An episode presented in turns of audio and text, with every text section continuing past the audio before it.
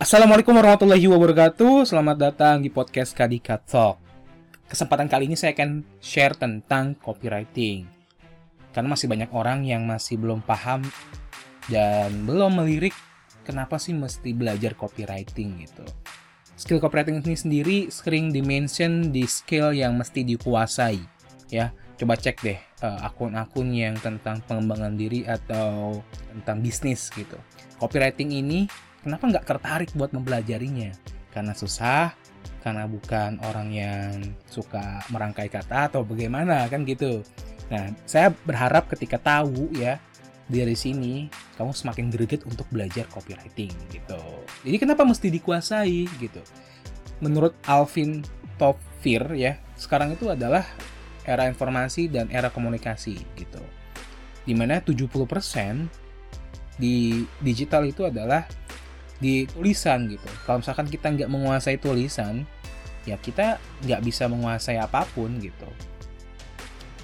Nah, beruntunglah yang sekarang saat ini kuliah di jurusan komunikasi karena belajarnya lebih mendalam soal komunikasi gitu. Karena saya juga belajar di komunikasi. Apalagi konsentrasinya advertising. Copywriting tuh dipelajari banget gitu banyak orang yang beranggapan kalau kuliah di advertising itu mesti bisa desain, mesti bisa gambar, padahal enggak gitu. Karena yang paling penting adalah bagaimana menghadirkan proses kreatif gitu. Oke, saya emang nggak terlalu bisa gambar gitu, tapi dalam konsep pikiran saya, saya bisa gitu membayangkan oh seperti ini, oh seperti ini. Nanti yang eksekusi biar desainer aja gitu atau art director gitu ya. Jadi kita nggak bisa menghindarkan nih konten di digital ya di sosmed di internet lah pokoknya. Kalau kita nggak bisa menguasai copywriting ya sungguh disayangkan gitu. Ya terus yang salah kaprah nih copywriting itu untuk memanipulasi pikiran orang lain supaya beli produk kita. Padahal bukan ya. Bukan ngebohongin orang bukan manipulasi pikiran orang gitu. Tapi ya seni meyakinkan orang lain dengan pesan yang ingin kita sampaikan gitu. Kita punya produk nih kita punya layanan. Nah value-nya apa benefitnya apa gitu.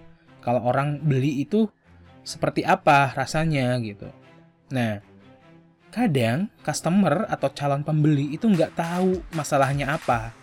Tugas copywriting tuh menyadarkan gitu. Ya jadi oh ternyata contoh nih ya kalau misalnya kita lagi gabut terus kita nonton video YouTube. Kita nggak tahu mesti ngapain kita nggak tahu mau apa gitu. Tapi si konten youtuber itu ngasih konten yang oh ini loh gitu. Ngasih tahu gitu. Nah itu contoh sederhananya gitu. Kita membantu menerjemahkan apa yang selama ini dipikirkan oleh calon pembeli gitu. Nah jadi penting banget untuk uh, mempelajari uh, customer gitu. Karena bisa jadi apa yang customer belum misalnya belum mau beli gitu itu mungkin nggak relate gitu. Uh, pesan kita mungkin nggak cocok dengan dia gitu. Ya nggak jadi masalah gitu.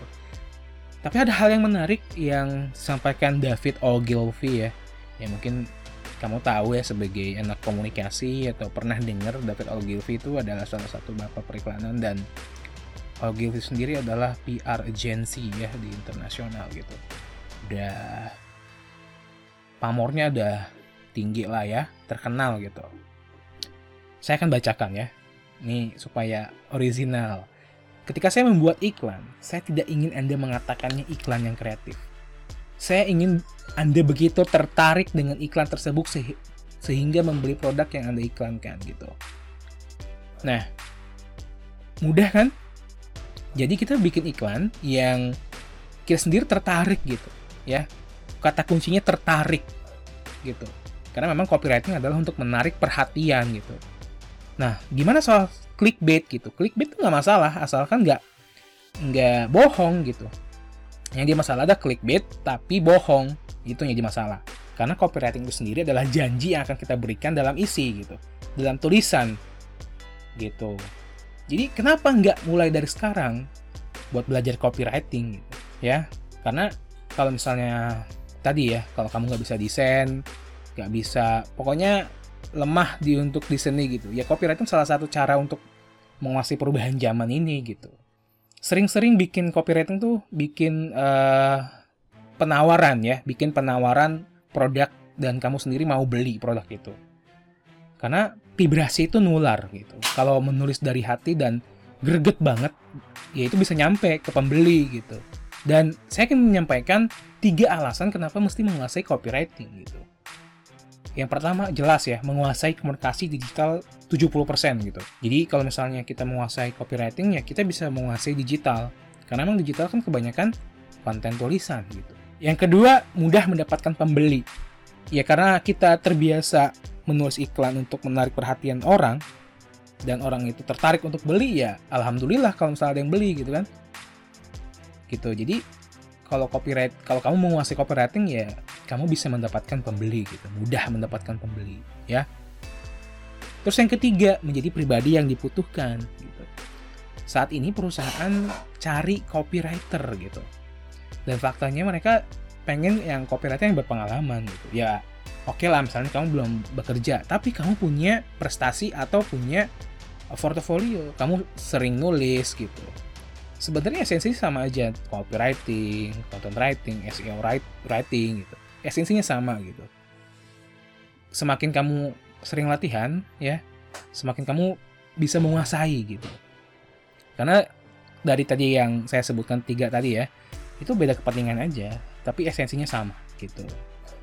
So kalau mau belajar copywriting, silahkan saja ke infactwriting.com slash iwcp. Ya, sana lengkap. Mumpung ada subsidi ya, jadi bisa digunakan sebaik mungkin. Oke, kalau ada yang ingin request podcast, silahkan ke tanya at Dwi Andika Pratama. Sekian dari saya. Assalamualaikum warahmatullahi wabarakatuh.